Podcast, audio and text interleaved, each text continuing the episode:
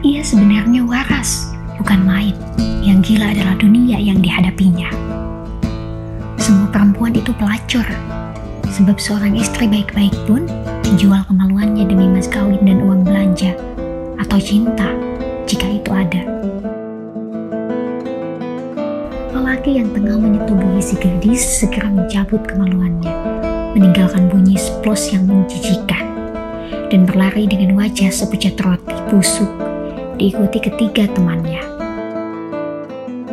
Itulah salah satu kutipan terbaik yang ada di dalam novel Cantik Itu Luka karya Eka Kurniawan.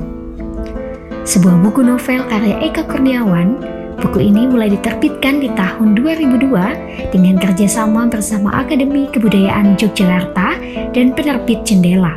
Kemudian cetakan kedua dan seterusnya mulai tahun 2004 diterbitkan oleh Gramedia Pustaka Utama termasuk dalam novel genre fiksi sejarah yang disisipkan cerita realisme tentang sejarah.